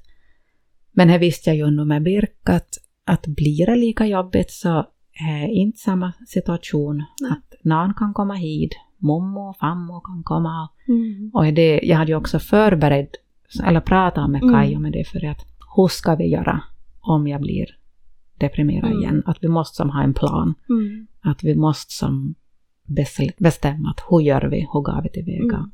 Säga att nu måste du ta hinan, så måste Mm. du ta hinan. Ja, ja. Och, så, och så det att, för då kände jag mig tryggare. Ja. Mm. Att jag visste att jag är som Mm. inställd på det här. Således har vi ju haft perfekt med Kaja för att ha kunnat vara hem så länge. Har ju kunnat Mm. vara hem nästan, alltså två månader var det ju med Birka. Okej. Jag tror sex veckor med Lea. Så att vi är ju som, ja vi har ju jättebortkänd. Mm. Jag har fått mycket hjälp Men vad bra. av han. Mm. Och det tänker jag som överlag, du sa ni förberedde er, förberedde er väldigt bra Mm. som inför andra. Men så här när man tänker efter, det kanske är någon man bra kan diskutera med sin partner om man är gravid. För Mm. man vet ju aldrig, Nej. oavsett hur bra man än tror man mår, Mm. så vet man ju inte om man mitt i allt står där med en förlossningsdepression. Mm. Och fast man inte nu nå- kanske känner igen känslorna, men att man åtminstone kanske, ja, har det i tankarna att det kan hända. Mm. Precis. Och att man då har någon typ av liten plan åtminstone var man startar. Ja, definitivt. Jag har några frågor åt dig. Mm. Mm. Som har kommit via, via det här Instagram. Mm. Första frågan så var, var det svårt att få den hjälp du behövde? Eh, nej, Nej. det var inte. Alltså, min syster tog ju kontakt Mm. åt mig. Och jag upplevde nog att det, det gick jättelätt. Mm. Och att det fanns, fanns vård att få.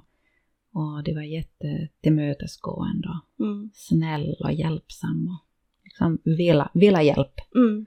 Så att um, det var ju, jag upplevde ju kanske som jobbigast att efter att hon hade sökt vård åt mig och det tog som kanske en tid, det tog några veckorna. Mm. Och det kunde man som känna att, att nej, att hur ska man som kunna vänta? Mm.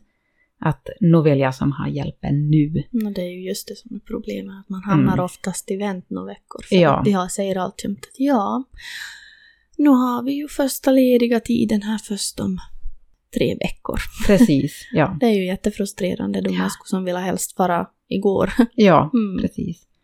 Men, äh, men nej, jag upplevde inte svårt. Mm. Och vi har superbra ätstörningsvård i Jakobstad. Mm, Bra. Så det, Mm. så, jag har all cred. Nej, men vad bra. Eh, följande. I vilket, skede insåg, I vilket skede insåg du själv att du var sjuk? Vi pratar ju lite om det här. Mm. Det var i Australien. Jag var nog i Australien, ja. Mm. Mm, det var det. Ja. Och en sista. Jag försöker bli frisk från anorexi. Är så rädd för viktuppgång. Tips? Jag förstår här i rädslan Mm. till hundra procent. Men för mig har det nog varit att börja äta lite mer. Och att man ser de här fördelarna. Liksom då man ser att nu orkar jag ju träna, jag orkar springa, jag orkar, jag är glad, jag mår inte skit hela tiden, jag kan göra någonting, jag är inte lika fången i mitt psyke som jag har varit. Så märker man liksom att de fördelarna är så mycket större Mm. än nackdelar. Och hade viktuppgången, ja, har kommit nog. Men man tror ju att man ska bli liksom stor som ett hus. Det är ju här man tror att jag blir som en skyskrapa, så stor blir jag, eller som en Mm. pyramid. Mm. liksom jag blir stöst av all i hela världen. Men då blir det inte det. Alltså, det är bara du som kommer till se att du har gajat den lite. Ingen annan kommer till märk. Och först är det jättejobbigt. Men sen så lär man sig till omfamna det och ser vad fint det är. Mm. Jag minns då jag visade bilder åt Kai av hur jag såg ut när jag var som smalast. Och han var som hjälp. Att Mm. det är inte fint. Mm. Att det ser inte bra ut. Och jag, jag har ju funnits en rädsla så det att efter, man, efter att man får barn och så det att, att ingen kommer att vilja röra in. Men det är ju Mm. som tvärtom. Att det är ju som det inte hänger upp sig på. i det Mm. vikten. Jag läste min dagbok just om det och jag började äta mer. Och jag började på, på vård och skulle ha två veckor som inte jag tränade och äta mer. Och jag tycker att jag åt mer men det är ju skrattretande kanske hur lite mer man åt. Men, Mm. men i alla fall, det var inte lite mer.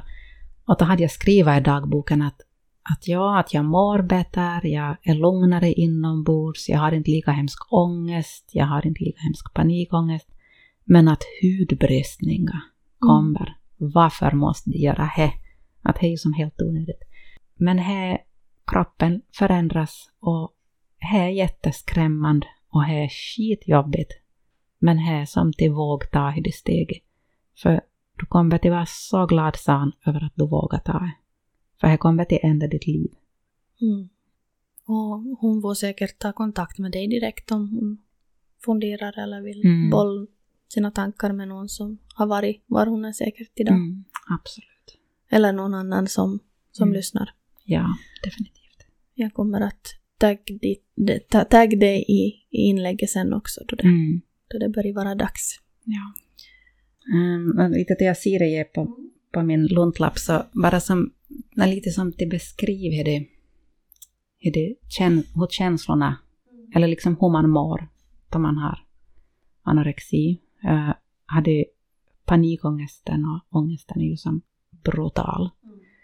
Och, och jag har som många gånger, just det jag skriver i min dagbok, och så det är så jag skrivit att det som, det var ut på ett som stormigt vatten, att det bara vågar jättemycket. Och, och man får som inte, vet du, det finns inte som några nå hamn någonstans, Mm. utan man är helt som ut, utelämnad.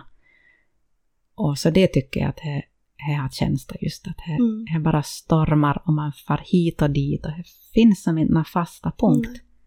Och också hade jag skrivit som jag, jag kommer inte ihåg att jag hade skrivit, men jag läste den och så tyckte jag att det var som så träffande. Att, att, det, att det känns alltså det att, att här kommer en festival på besök Mm. och karusellen slutar inte snurr, Mm. att det gas inte hopp på, utan man måste som bara sitta där Mm. och he, man slipper inte bort. Och det är som en alldeles så brutalt. Att Mm. som, he, fast man kanske ibland tänker att men nu vill jag, nu vill jag slut, men Mm. det går inte. Nej. Att man är så fast i hade kontrollen. Och är som, man är så djupt ner. Och är, man, fast man tycker att, att som jag vet Takai har sagt att du måste ta mer kolhydrater. Ja men jag åt ett halvt äppel. Mm. Och man är så, tror stenhårt att ja, men det, jag Mm. har ju ätit, Mm. att det räcker långt. Mm. Och är som, det gör ju inte. Nej. Men att man tror det faktiskt att det, Mm. att det ska göra det. Är det så här idag ännu att du håller koll på kalorier som du äter? Eller som att du försöker ändå komma upp till, till som en vettig mängd så Mm. här? Mm. Att det, det lever med dig ännu? Ja, och jag har ju nog fått som rådet att jag ska inte räkna kalorier.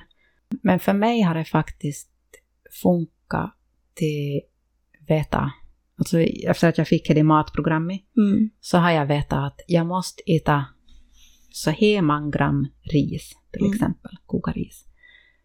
För och jag väger inte alltid, men jag kan göra ibland. Mm. Så det är kanske en gång i månaden eller sådär. För att om inte jag gör det så jag minskar alltid på maten. Jag tar Mm. alltjämt för lite. Och har lite problem till känna det mättnadskänslor i det. Så att jag, jag tror att nu har jag ätit tillräckligt. Mm. Men så kommer det som kanske efter en månad så kommer det som att åh, nu är jag helt slut Mm. och jag tror att jag är sönderstressad och liksom jag orkar inte någonting och då måste jag vila och jag kan inte träna. Mm. Och så är det som att, så säger Kai, men hur har du det? Mm. Och så är det att jag vet inte, att jag tror jag har det bra. Men, så, men jag tar som alltjämt för lite. Att jag är som min, jag är så, jag är så van med så att då inte som tänker efter så blir det för lite. Och jag är ju som tvärtom mot hur jag brukar vara för många. Att Mm. många säger att det problemet har inte jag. Nej. Men att för mig är det som mitt problem. Mm. Och då kan det faktiskt hjälpa till väga ibland. Mm. Inte hela tiden för då blir man fast i det. Ja. Men, Men men ibland för att jag har lite koll på. Och så Precis. kanske se den där portionen. ja, Kanske får en minnesbild av hur tallriken ska se ut precis. ungefär. För Mm. man glömmer ju det säkert. Om, Ja. om man inte riktigt har det där som du sa, mättnadskänslan och Mm. sådär så. Och så är det ju Så. lite att man... Alltså jag menar, nu lurar man ju sig själv lite ibland då. Mm. Det är som att... att eh, ja, men nu, skulle jag nog kunna berätta lite mindre och nu Mm. skulle jag nog kunna träna lite mer. och- Men den här kombinationen funkar inte. Och det funkar inte för min kropp mer. Mm. Att min kropp är jättekänslig. Och jag har väldigt svårt att liksom kunna träna ordentligt en längre tid för att min kropp är så skadad. Så att det som jag måste äta bra Mm. om jag ska kunna träna. Det går som inte i fusk för att det, var som inte nä. Nej. Det- Har du något mer på din luntlapp där? jag ser du har några punkter. Ja, men jag tror jag har sagt det mesta Mm. faktiskt. Okej. Men äh, får jag säga en sak? Ja, såklart. Men när jag, när jag var sjuk så då drömde jag ganska ofta att en orm kom och bet mig. Mhm. Alltså att han jagade mig. Okej. Och det, hände som... Alltså det hände nu som då att jag drömde det. Mm. Och jag, jag vaknade alltid och det var så obehagligt. Alltså Mm. jag hade så obehag från det drömma. Jag är inte annars så det, alltså klart inte var ju klappen åt min sida. Nej. Men liksom, Nej men du är inte jätte... jag är inte rädd för Nej. dem så liksom Mm. då. Men det var så obehagligt. Och så minns jag att jag, efter att jag hade fått vård och, och jag som började må mycket bättre så kom en dröm med en orm som kom och så stampade jag på Mhm. och så for jag bort. Just det. Och det var som jättestarkt för mig. Mm. För jag, jag visste hela tiden att det, det här, de här drömmarna representerar mitt Mm. illamående. Och så visste jag att nej, men nu har jag stampat på. Så nu är den så bort. Nu, Nu finns det- inte den. Ja, precis. Och Ja. har inte kommit tillbaka i drömmen. Okej. På Har du-. Har du läst någonting om, om alltså drömtydning? Nej, inte Nej. egentligen. Vill du jag ska prova och, och sök? För jag har den faktiskt. Jag, jag är jätteintresserad av drömmar. Ja, jag, är det. jo, ja. jag tycker att... Eller jag tänker att... Alltså inte ska man ju kanske övertolka sina drömmar. Mm. Men jag tror absolut att vi har mycket att lära av dem. Mm. Och, och vissa saker ska man höra på. Mm, det tror jag. Och Ja. det här. Så jag har faktiskt två böcker här. Ja, En meter ifrån mig om du... Nej, men göra jag, du jag, jag, jag antar att det finns några mormar. Alltså vi kan Ja. ju läsa. Jag har själv också varit en sån här som jag hade ganska livliga drömmar och, och sånt och varit intresserad just av dem många gånger. Så, så om någon annan är intresserad så finns de på Adlibris och den ena är på engelska. Det fanns inte riktigt mycket på svenska där så den heter The Dream Dictionary from A to Z. Den ser ut sådär. Mm. Och sen har jag också köpt en sån här drömjournal. Mhm. Så där kan man som skriva upp sina drömmar. Mm. Och, och om man skriver ner dem så blir det ganska... Det är nästan som man ibland säger så här, nej men inte kan jag sitta och skriva ner det här, att jag drömde om några häxor med några rosa Mm. trollspön. Ja. det låter ju så knäppt, vissa drömmar som man har. Mm. Men det här, ehm, vi kan börja, den här är i alla fall på svenska, så vi kan ju se vad det står, står här om, om orm. Ehm, orm representerar visdom, inre lekande, andlig medvetenhet, på nytt födelse eller omvandling. Eh, rädsla för ormen kan vara bokstavlig eller så representerar rädslan att du känner dig osäker på någon i din närhet. Att bli biten av ormen ska tyda på svartsjuka och avund. Fundera på hur du uppfattar ormen i drömmen. Mm. Ja, Men inre läkandet är det. inre läkande, det var Mm. ju två bra ord. Ja. Ja, nej, och jag har faktiskt läst för diskutera med, med min partner här en dag också, så just det här att bli jagad i en dröm, Mm. eh, vad det nu är man blir jagad av, så det handlar ofta att, det handlar ofta om att man flyr från någonting som inte man vill möta Mm. inom sig själv. Mm. Så, så direkt du nämnde här att du blev jagad av ormen och sen när du stampade på den så, så tolkar jag så här från vad jag läst då. Så just att det var kanske en del av dig då som du då flydde från. Mm. Och den här ormen var, var sjukdomen kanske. Mm.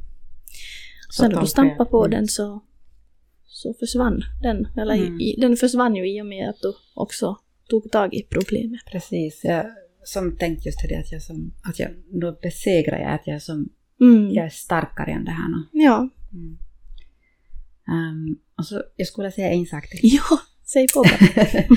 det här, eh, då jag läser min dagböcker så är jag, jag blir lite som förundrad över att fast jag hade så det jobbigt, jag ju som hur otroligt hemskt det var.